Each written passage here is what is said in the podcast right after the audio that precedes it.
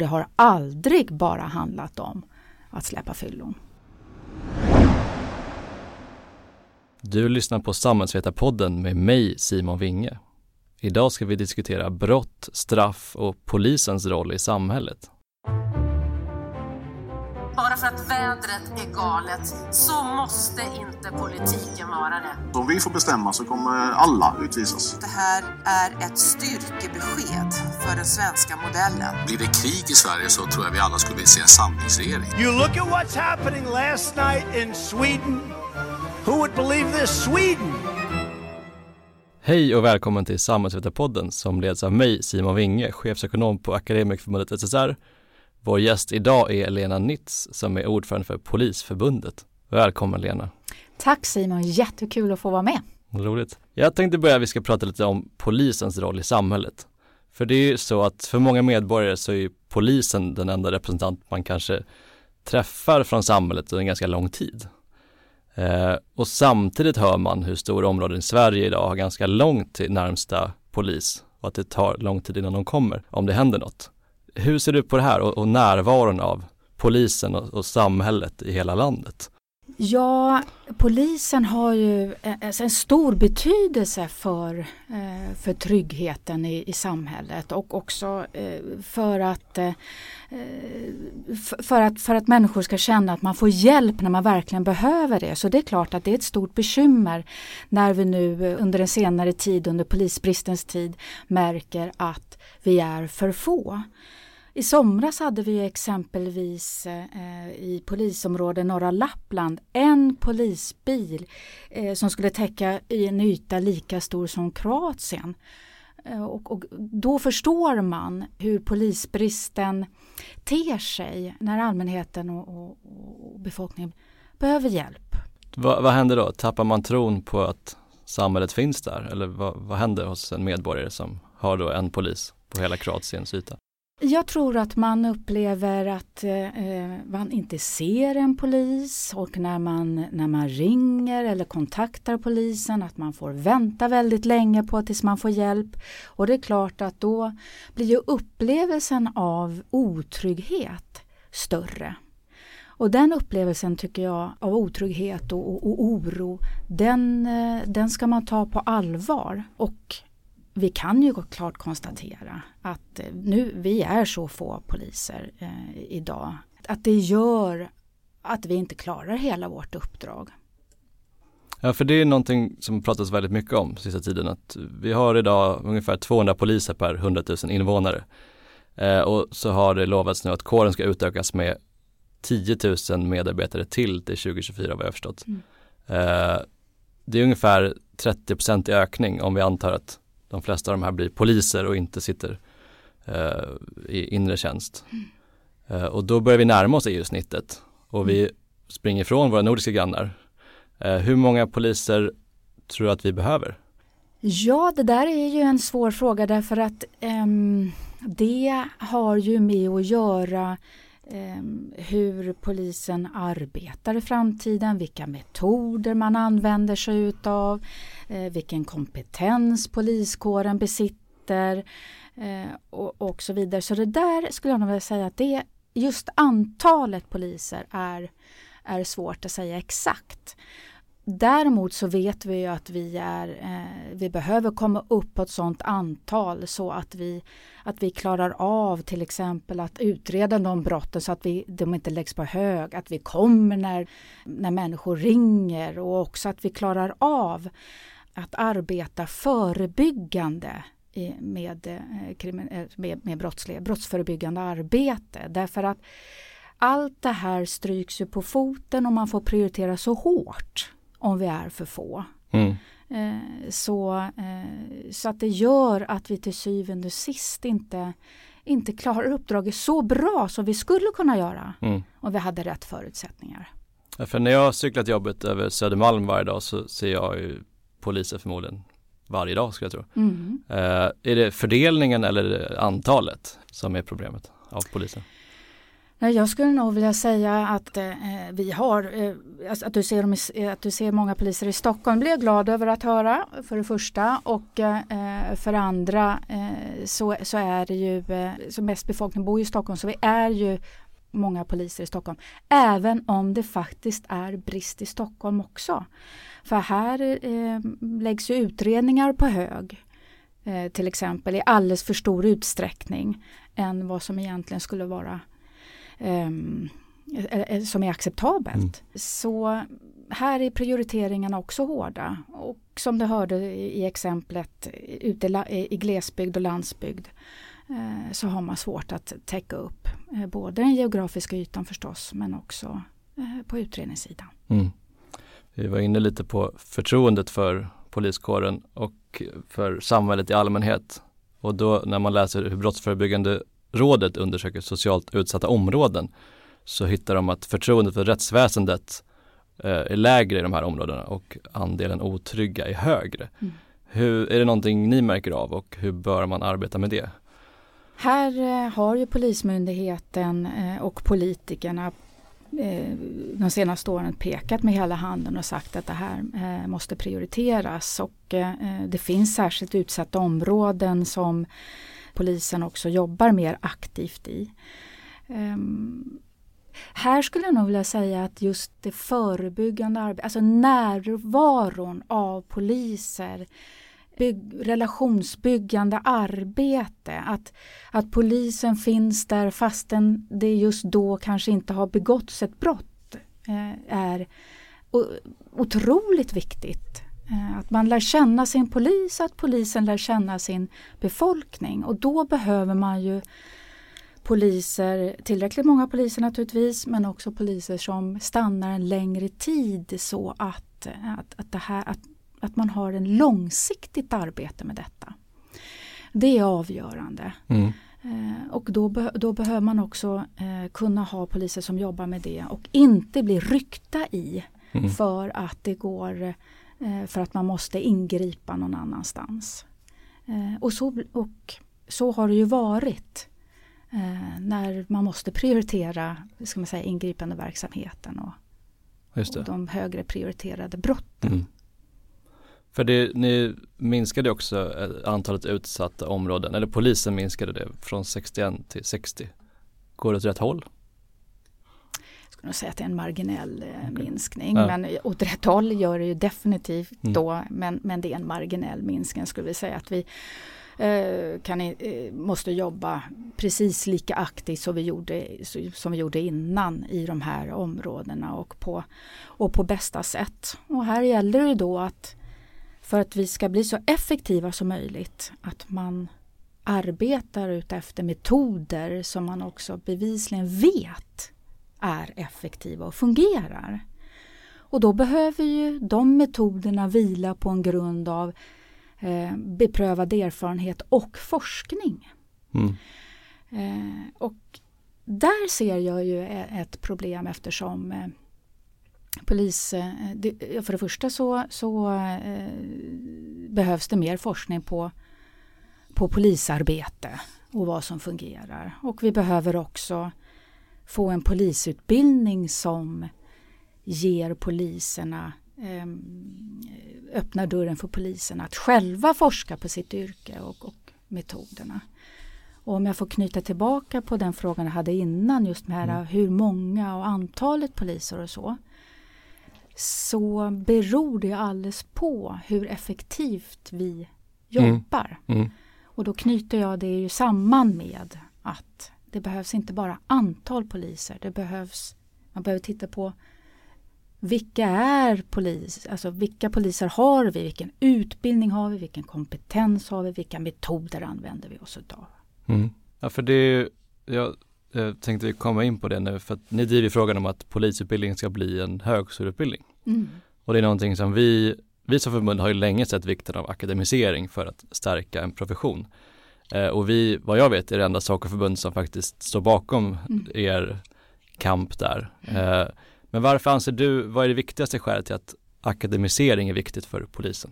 Ja, först vill jag bara säga att, och rikta ett stort och varmt tack till er för att ni står bakom oss i våran eh, alltså våran strävan och vårt arbete att, att, eh, att, bli, att få en riktig högskoleutbildning. Och, och det viktiga med det, det är ju det är flera saker men en av de sakerna är just det som jag räknade upp innan. Att, vi, att dörren öppnas för poliser att forska om sitt yrke, om de arbetsmetoder som vi använder.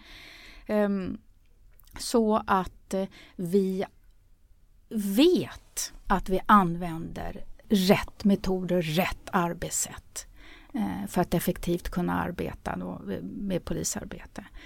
Ehm, och Ja, jag skulle vilja säga att det är...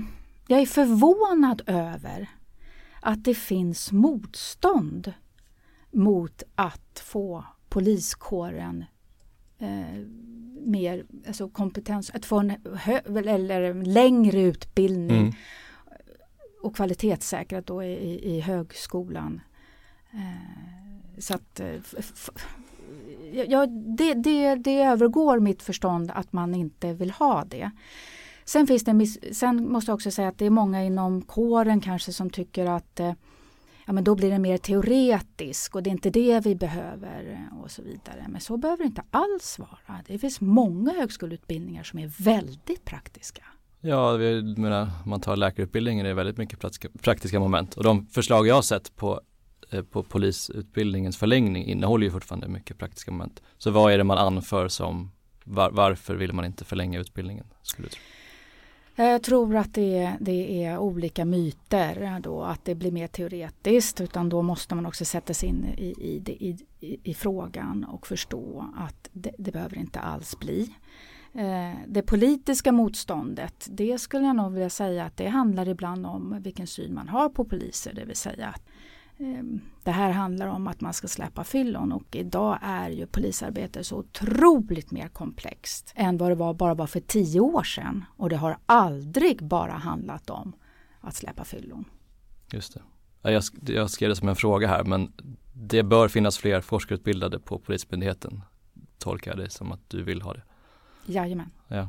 Tänkte vi ska återkomma lite till samhällsdebattens karaktär. För ibland får man intrycket av att det är lite parallella verkligheter som beskrivs i tidningar och media. För den långsiktiga trenden är ju att brott och kriminalitet minskar. Det kanske finns en liten svag ökning de sista åren men det minskar, det är den stora eh, trenden. Eh, I vissa medier kan man dock få en helt annan bild. Så vad säger du, blir Sverige otryggare och farligare?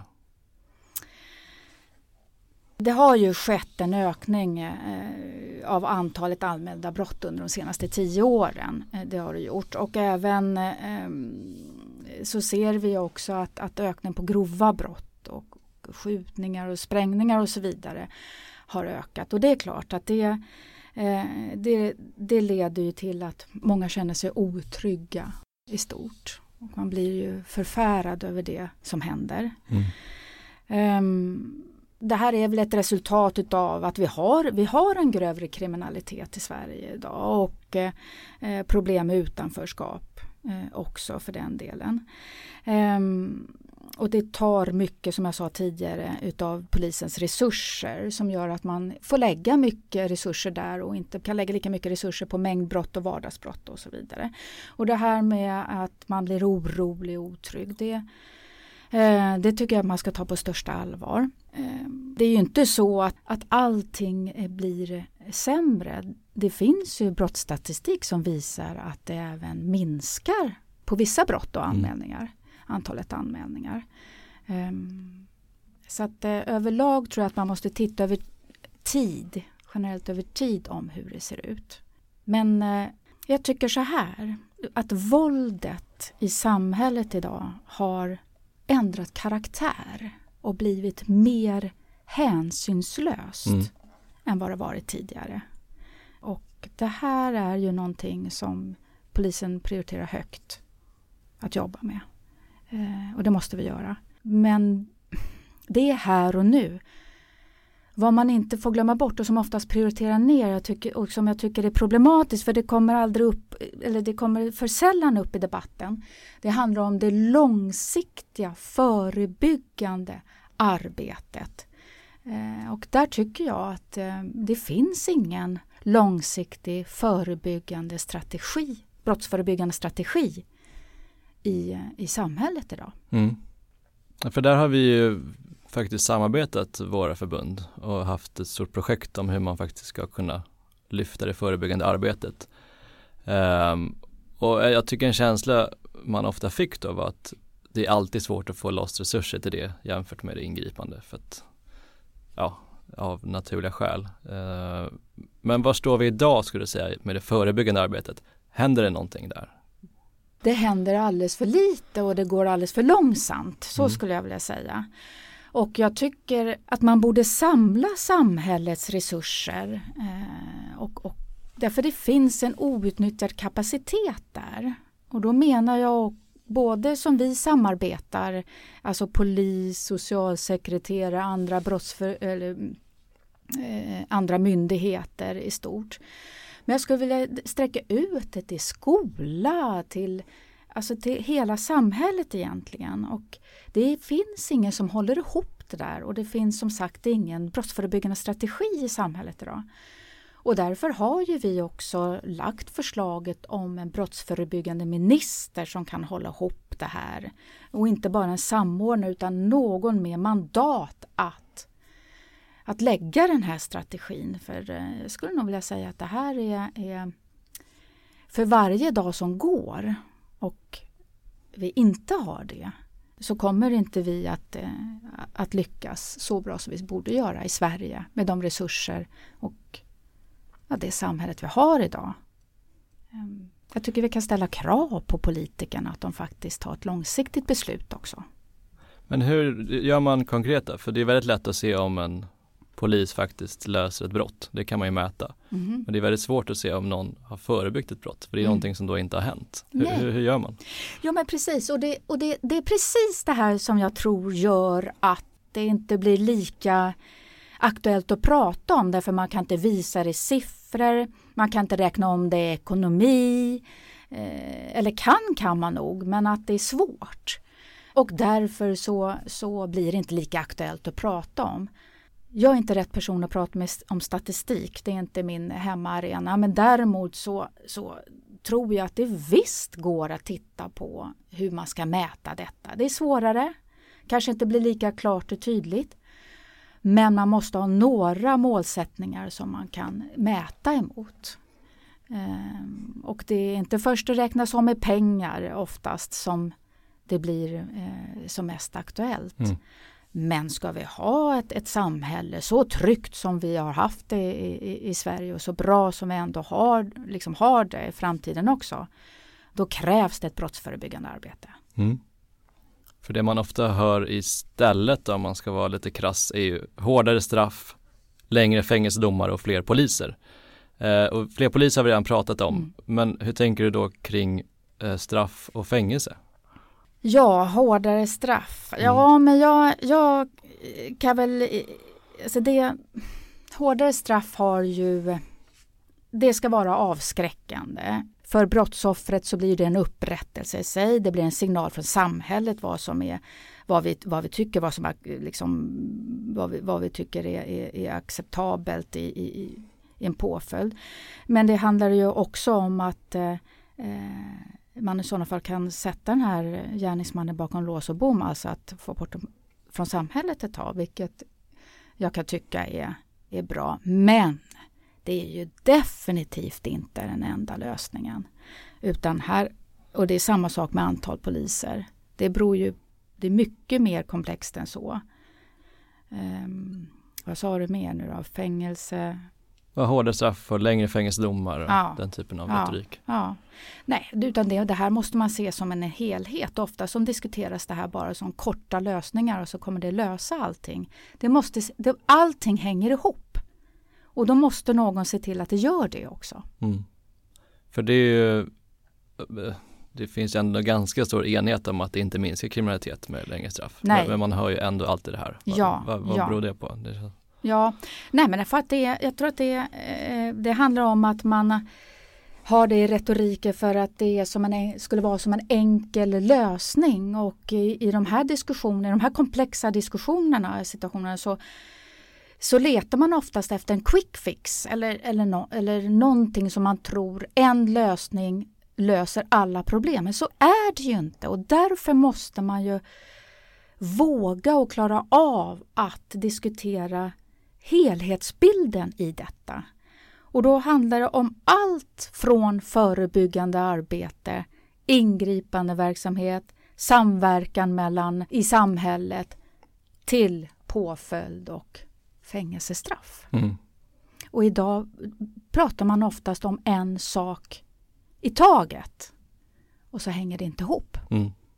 Men tror du att det gör att vi är på väg mot en amerikanisering Eh, av eh, samhället? Där sitter fler än två miljoner, det vill säga 0,7 procent befolkningen. Det är tio gånger fler per capita än i Sverige som sitter i fängelse. Eh, är vi på väg dit i Sverige? Nej, nej, det tror jag inte. Jag hoppas verkligen inte att vi kommer dit heller utan vi, vi har, vi har eh, långt kvar till det. Men det krävs hela tiden mer av polisen bland annat för att ligga steget före kriminaliteten och brottsligheten. Och låt mig säga så här då att vi har en allvarlig utveckling som vi måste ta på största allvar. Men politiker, media och andra opinionsbildare måste också fundera över vilket tonläge vi har i debatten och inte blåsa upp saker och ting i onödan. Utan att hålla sig till, som, till, till fakta och helhetsbilden i sig. Mm.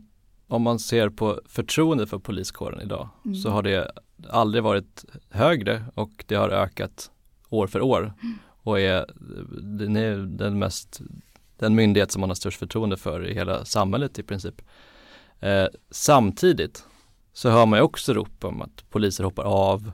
Det är tomma stolar på den här polisutbildningen som har expanderats och eh, det är polisbrist också. Hur, hur hänger det här ihop?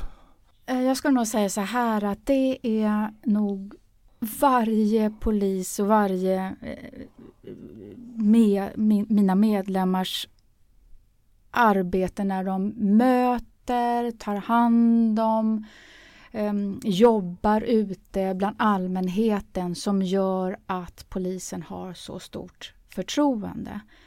Man vet att poliser och ans andra anställda inom polisen också för den delen men att poliser gör sitt yttersta. Jag tror att det hänger på det och att man vet att de är duktiga och kämpar där ute. Det är det förtroendet man har. Man förstår att det är många poliser som, som lämnar för andra yrken därför att det är slitigt, det är hårt, det är inte värdesatt på det sätt som, som gör att man skulle stanna kvar.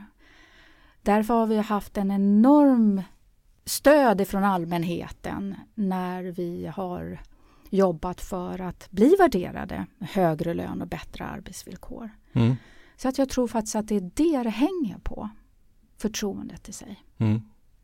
För det, just lönebildning är någonting vi ofta pratar om som fackförbund. Mm. Uh, och om man tar uh, i debatten så var det ju för ett tag sedan var det lärarlöner mm. som alla pratade om. Och nu senast var det ju polislöner mm. och det ledde till ett ganska ja, men bra påslag kan man väl säga i senaste avtalsrörelsen för er. Eh, samtidigt finns det problem då med att det blir nästan som en statlig lönepolitik kontra att, att parterna tillsammans avgör lönen. Hur ser du på den här balansen?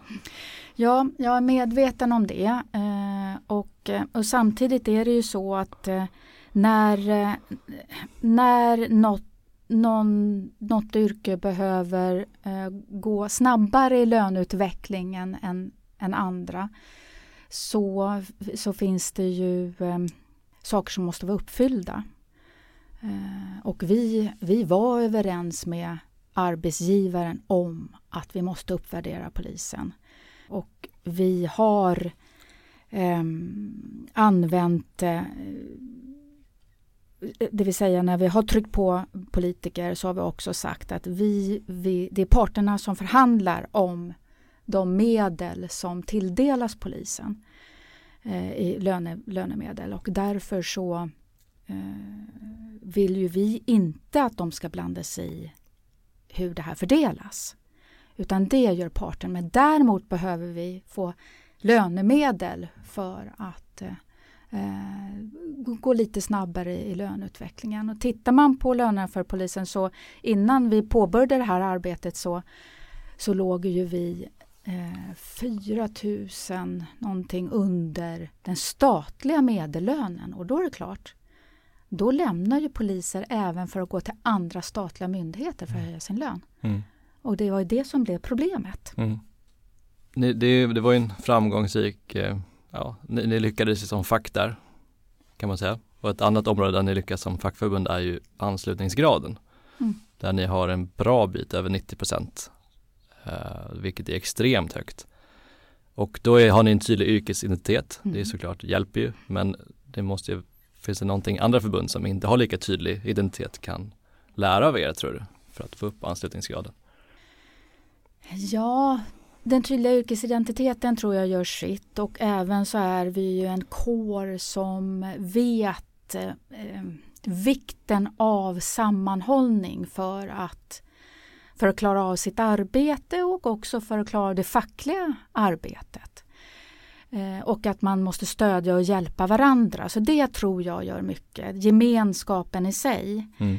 Eh, sen gäller det även för Polisförbundet att vara relevant i, i det fackliga arbetet och verkligen ta reda på vad är det medlemmarna eh, vill ha ut av oss. Och det kan jag säga när det gäller lönebildningen att, att eh, här, här har vi ett tryck på oss för våra medlemmar att det ska gå ännu snabbare, Mm. ännu mer än vad vi, än vad vi har gjort. Mm. Eh, Men här, här, här tror jag att det handlar om att verkligen ta reda på vad är det som är viktigt för medlemmarna idag. Sen kan jag se en generell, en generell del i att eh, ju- just det här med eh, What's in it for me, eh, myself and I, Mm. har, har blivit tydligare de senaste åren även bland min, mina medlemmar. Mm. Hur hanterar man det då? Jag tror att man måste titta på vad är relevant och vad är viktigt för you, yourself and yours. Mm. Eh, och, och, och frågar man enskilda medlemmar så tills, tillsammans så brukar det vara ungefär samma intressen då och så. Men man måste vara relevant för individen och man måste vara relevant för, i mitt fall, kåren i stort. Mm. Så. Bra. Det var de frågor jag hade. Mm. Är det något jag, är något du tycker jag inte har frågat om? Nej, jag tycker du har pumpat mig Ja, tillräckligt. ja det var allt från Samhällsvetarpodden för den här veckan. Samhällsvetarpodden görs varannan vecka och fångar upp stora samhällspolitiska frågor, helst med en facklig twist. Samhällsvetarpodden görs av Akademikerförbundet SSR, Sveriges ledande samhällsvetarförbund.